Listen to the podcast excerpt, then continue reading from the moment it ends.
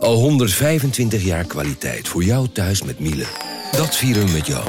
Ontvang nu tijdelijk een cashback tot 125 euro op veel Miele-apparatuur. Geniet van de kwaliteit van Miele.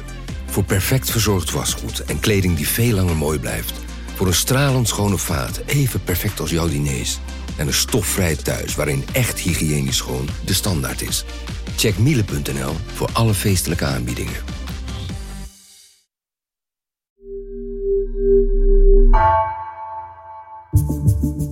Vanaf de redactie van NRC het verhaal van vandaag. Mijn naam is Geertje Tunter.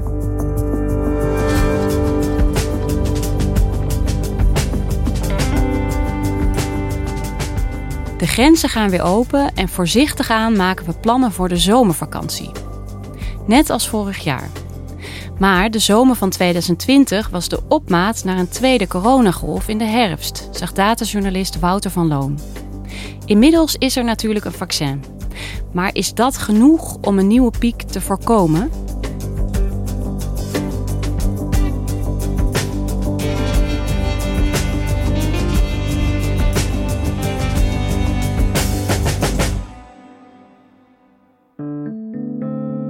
Wouter, jij houdt al sinds het begin van de coronacrisis de cijfers in de gaten hè, als datajournalist. In december uh, heb je hier nog gezeten bij ons, omdat we toen net een harde lockdown ingingen. En nu is het tegenovergestelde aan de hand. We mogen weer. Ja, zeker. Het kabinet heeft een versoepelingsplan opgesteld. En dat leek in het begin best wel ambitieus. Dat er heel snel achter elkaar versoepeld zou kunnen worden. En dat is, nou, het is één keer uitgesteld, maar verder uh, lijkt dat versoepelingsplan best wel uh, goed uit te komen. Ja. En nou, de cijfers dalen echt heel hard. En nou, dat heeft tot gevolg dat er ook steeds meer mogelijk is. Ja, precies. En dat voelt voor heel veel mensen natuurlijk echt als een bevrijding. En uh, wat je net al zei, als je naar de cijfers kijkt, het is dus ook best een logisch moment om de lockdown op te heffen. Uh, ja, dat, daar leek het uh, anderhalve maand geleden nog helemaal niet naar. Uh, toen was het in de ziekenhuizen echt nog extreem druk.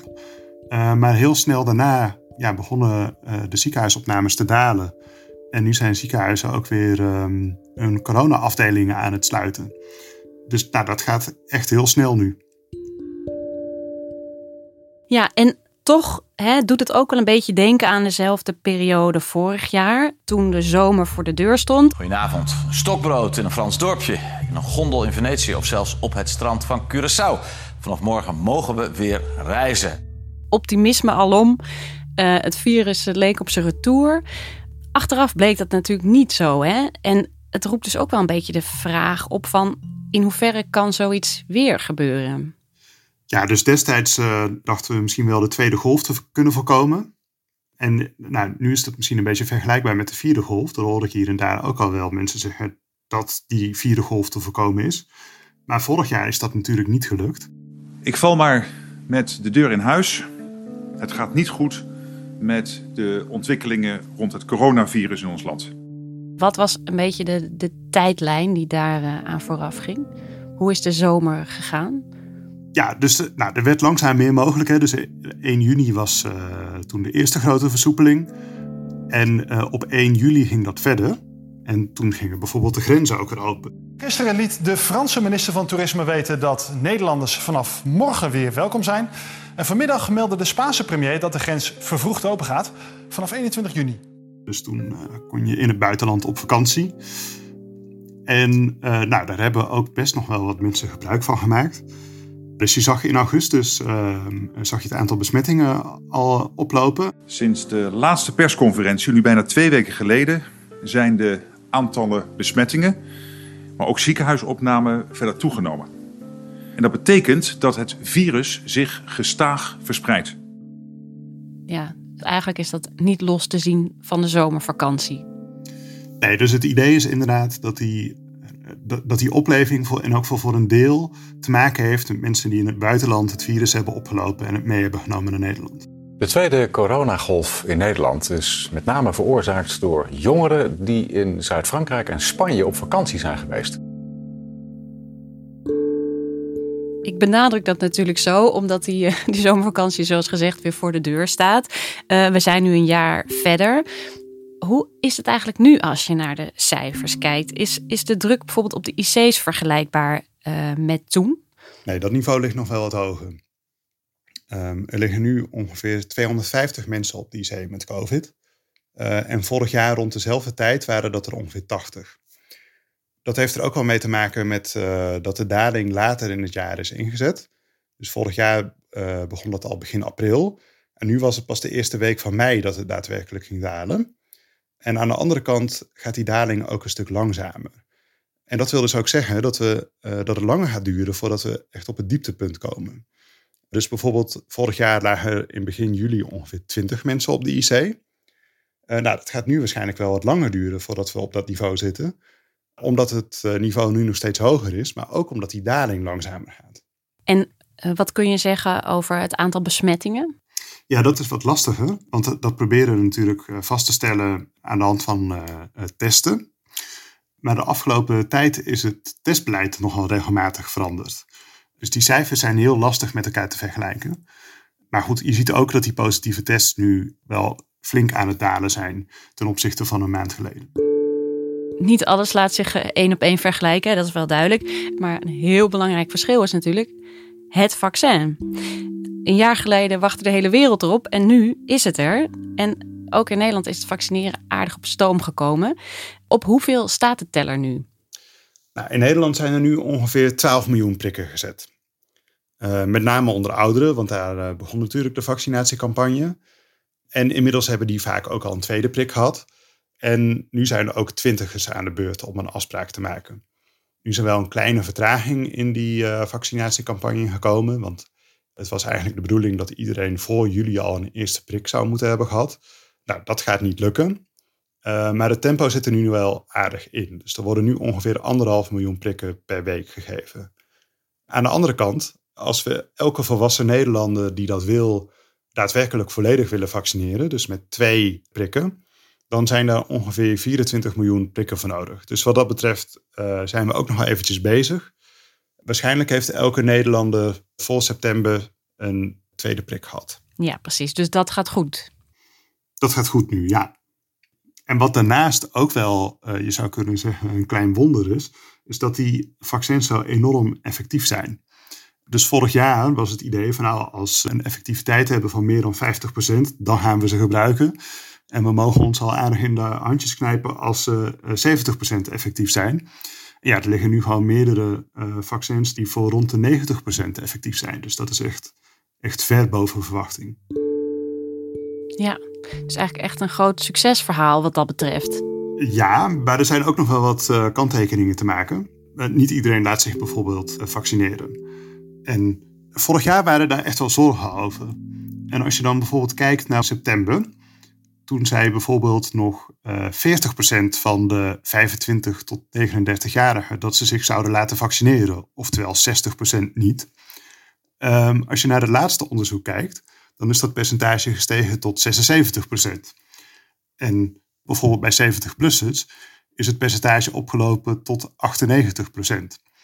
Dus ja, dat zijn echt enorm uh, hoge aantallen.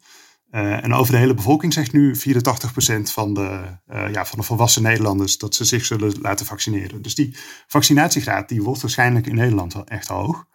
Aan de andere kant zeggen natuurlijk ook 15% van de mensen zich niet te zullen laten vaccineren. Ja. Dus dat is de andere kant van het verhaal. En daarbij weten we natuurlijk ook dat de effectiviteit van die vaccins niet 100% is. Nee, dus dat zou willen zeggen dat die 10% die, waarbij het vaccin niet helemaal goed werkt, plus 15% van de bevolking die zich niet laat vaccineren, dan hou je ongeveer een kwart van de bevolking over uh, die bevattelijk blijft voor het virus. En ja, dat, dat blijft uiteindelijk afwachten uh, of dat aandeel klein genoeg is om het helemaal in de hand te houden. En weten we trouwens inmiddels al iets over hoe lang die vaccinaties eigenlijk uh, werkzaam zullen blijven? Nou, daar is eigenlijk nog niet zoveel over bekend, omdat die vaccins nog niet zo heel lang bestaan. Dus de vraag is ook, hoe lang houdt die bescherming aan? En moeten we misschien mensen over een tijdje uh, nog een keer een prik geven, omdat de vaccins eigenlijk een beetje zijn uitgewerkt? Ja, dat is ook een van de onzekerheden richting, uh, richting de winter. Uh, dan is het al bijna een jaar geleden dat bijvoorbeeld uh, 80-plussers zijn gevaccineerd. Ja, is dat dan, werkt dat, dat vaccin dan nog of niet? Ja, daar weten we nog niet zoveel over. En toen we begonnen te praten hè, over die vaccinaties, dacht ik, nou, misschien uh, kunnen we de vlag wel, uh, wel uithangen. Uh, als je er dan wat langer over hebt, dan blijkt dat toch ook een beetje, nou, toch in ieder geval te nuanceren. En dan hebben we het natuurlijk nog niet eens gehad over allerlei varianten die er zijn ontstaan. Ja, dat is ook nog een, een onzekerheid, zou je kunnen zeggen van sommige varianten blijkt uit de eerste onderzoeken al dat, dat de vaccins er net iets minder goed tegen werken. En dat zie je bijvoorbeeld ook bij uh, de Delta-variant, wordt die dan genoemd. Dat is de variant die iedereen kent als de Indiase variant. In uh, Groot-Brittannië is die al wat uh, breder aanwezig dan in Nederland. En daar is ook onderzoek naar gedaan van hoe goed werken de vaccins nou eigenlijk tegen deze variant. En bij de, de oude varianten, dus die nu ook in Nederland rondgaan, daar werkte een eerste prik al best al goed tegen. Uh, maar bij die Indiase variant is dat een stuk minder. En gelukkig is een tweede uh, dosis, uh, werkt die bijna even goed. maar je ziet dus wel dat die varianten inderdaad soms door de barrière van die vaccins heen kunnen breken. En ja, ook dat blijft een vraag die, die open staat. Wat voor varianten komen er nog en hoe goed werkt het vaccin daartegen? En um, als we dan weer even terugblikken naar een jaar geleden. De grenzen gingen weer open.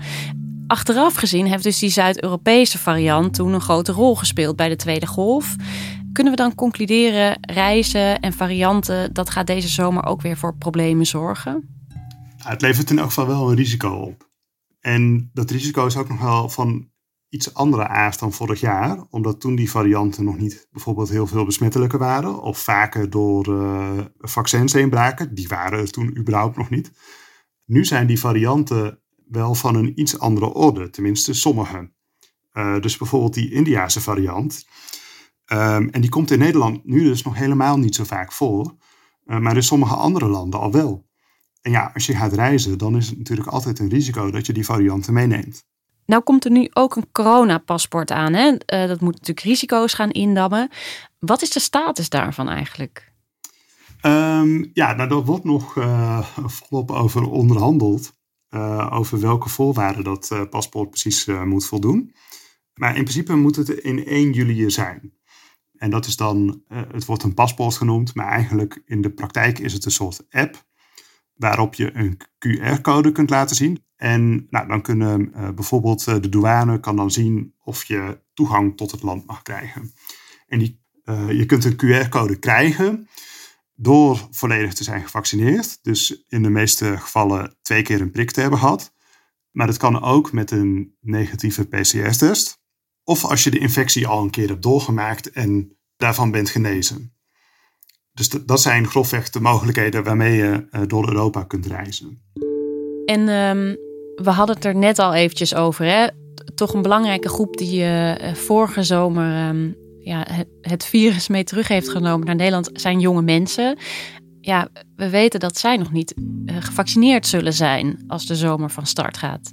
Ja, klopt. Dus zij zullen zich moeten, waarschijnlijk moeten laten testen voor ze naar een ander land gaan. Ja, en als je je laat testen, dan is natuurlijk altijd nog het risico dat je het uh, virus toch oploopt in het land waar je op vakantie bent. Want ja, zo'n PCR-test die geldt alleen op het moment dat, je, dat die is afgenomen en natuurlijk niet daarna. Dus als je bijvoorbeeld naar Spanje gaat, dan moet je een PCR-test laten afnemen als je nog niet bent gevaccineerd. Maar als je uh, terugkomt, dan is dat in veel gevallen helemaal niet nodig. En ja, dat, dat brengt natuurlijk wel een zeker risico met zich mee. Dat zag je vorig jaar ook. Um, en dan is de vraag, ja, wat gebeurt er dan? Vorig jaar, rond die tijd, waren er bijvoorbeeld veel uh, introductieweken hè, voor, uh, voor studies. Of uh, studenten die weer terugkwamen in een studentenhuis. En ja, toen begon op die manier een nieuwe golf. Ja, dat zou natuurlijk ook voor komende zomer kunnen gebeuren. Ja, precies. Dus klopt het dan inderdaad dat, dat we ons het meest zorgen moeten maken, misschien over jongeren en, en andere mensen die nog geen vaccinatie hebben, die weer terug naar huis komen? Ja, die lopen uiteindelijk het grootste risico natuurlijk. Aan de andere kant hè, kan je zeggen, het is natuurlijk ook een beetje flauw om jongeren, en dan in dit geval zelfs op voorhand, de schuld te geven. Want zij hebben natuurlijk langs moeten wachten op een coronavaccinatie.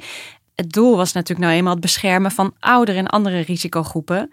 En daarvan kan je zeggen, ja, dat is ook gewoon goed gelukt. Ja, zeker. Dat is, uh, dat is heel goed gelukt. Dus uh, ja, we hebben de pech dat um, het moment waarop de vaccinatiecampagne op stoom komt, dat komt net te laat voor de zomer. Uh, dus bijvoorbeeld, ik ben zelf 30 en ik mag 29 juli mijn eerste prik komen halen. Ja, voor mensen die nog wat jonger zijn dan ik, waar we het net over hadden, dus bijvoorbeeld studenten, ja, die, gaan dus, die zijn dus pas in juli op zijn vroegste aan de beurt ja, dat is precies in de vakantieperiode. En uh, dat is wel een wat ongelukkige timing, zou je kunnen zeggen. En dan hebben we natuurlijk ook nog dat stuwmeer, zoals dat altijd genoemd wordt, van uitgestelde zorg. Hoeveel uitgestelde zorg ja, staat er in de wacht, zeg maar? Ja, nou, minister Van Ark die heeft een, in een brief aan de Kamer geschreven dat, dat ze hoopt dat uh, die achterstanden nog dit jaar zijn weggewerkt. Maar er is niet iedereen zo zeker van dat dat inderdaad uh, nog haalbaar is. Dus onlangs heeft bijvoorbeeld onze collega Lisa van Lonkhuizen uitgezocht dat er nog een achterstand is van 350.000 uur operatietijd. Nou, en dat, dat klinkt in elk geval voor mij als een gigantisch getal, maar daar kan ik toch nog vrij weinig mee. En, nou, maar je moet je voorstellen dat als er 10% meer operatiecapaciteit is als normaal, dan duurt het alsnog twee jaar om dat helemaal weg te werken. En dat legt wel nog wat extra druk op de ziekenhuizen. En als je dus een kleiner golfje hebt met corona-opnames, uh, zou dat ook al best wel grote gevolgen kunnen hebben voor mensen die al een tijd zitten te wachten op een operatie of een andere behandeling. Ja, dus dat is echt een enorme groep mensen eigenlijk die nu aan het wachten is. Ja, en die dus ja, uiteindelijk ook afhankelijk zijn van hoe dat dit najaar nu precies gaat. dus uh, of er nog extra druk op de ziekenhuizen komt, omdat er toch nog een uh, coronagolfje komt. Maar het wordt dus best wel spannend hoe die plussen en minnen tegen elkaar gaan opwegen. Dus die vaccins die heel effectief zijn uh, aan de ene kant. En aan de andere kant virusvarianten en onzekerheden als dat we niet zo goed weten hoe lang die bescherming nu precies aanhoudt. En ja, dat kunnen we eigenlijk alleen maar afwachten. En um, Wouter, het is natuurlijk een lastige vraag, maar je komt er helaas niet onderuit. Kunnen we nou met een veilig gevoel op vakantie? Of misschien beter gezegd, wat moeten we daarvoor doen? Ja, dat is nog wel een, uh, een lastige vraag. Kijk, allereerst, die vaccins die werken heel goed. Maar het zou kunnen dat je toch nog besmet raakt. Uh, tot nu toe weten we in elk geval dat je er niet heel ziek van wordt. Maar wat het voordeel daarvan is, omdat je er niet echt heel ziek van wordt, is het idee dat je bijvoorbeeld er niet van gaat hoesten en daardoor wat moeilijker uh, ook echt virusdeeltjes gaat verspreiden en daardoor dus andere mensen gaat aansteken. Uh, dus als je bent gevaccineerd, nou, dan kun je wel redelijk met een geruste hart op vakantie. Ja, als je dat niet bent, uh, nou, dan is in elk geval het advies om je goed aan de regels te houden van, die, van het land waar je op vakantie bent. Ja, precies. Dus alle dingen die we inmiddels kunnen dromen, geen handen schudden, handen wassen, misschien een mondkapje op, een beetje afstand houden, al die zaken. Ja, inderdaad. En even vooruitkijkend, wanneer weten we welk effect deze versoepelingen uh, en de aankomende zomer hebben gehad op uh, de verspreiding van het virus? Ja, dus vorig jaar zagen we het aantal besmettingen al in augustus oplopen. En zag je dat wel serieuze vorm aannemen in september. Uh, dus nu hebben we je zou kunnen zeggen, de wind mee, het wordt beter weer en daardoor uh, daar kan het virus wat, wat uh, minder goed tegen. Ja, uh, in het najaar gaat het juist de andere kant op. Dus rond die tijd gaan we zien ja, hoe de plussen en minnen, wat daar uiteindelijk uitkomt. Maar als je goed oplet in augustus kan je ook al wel wat detecteren. Dat was vorig jaar in elk geval zo. Ja, ja, de omstandigheden zijn nu natuurlijk wat anders. Dus de vraag is of je het al zo snel kunt zien. Uh, maar in de loop van het najaar wordt daar wel meer over duidelijk, inderdaad. Ja, precies. Nou, jij blijft in de gaten houden, neem ik aan. Zeker. Dankjewel, uh, Wouter. Dankjewel, Geertje.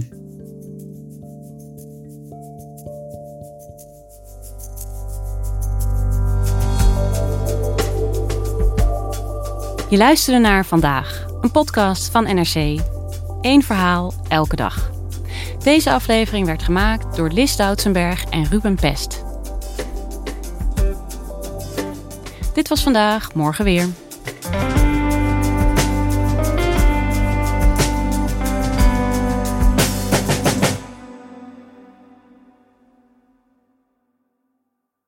Technologie lijkt tegenwoordig het antwoord op iedere uitdaging. Bij PwC zien we dit anders. Als we de potentie van technologie willen benutten, kunnen we niet zonder een menselijk perspectief. Human-led, tech-powered noemen we dat. Ga naar pwc.nl.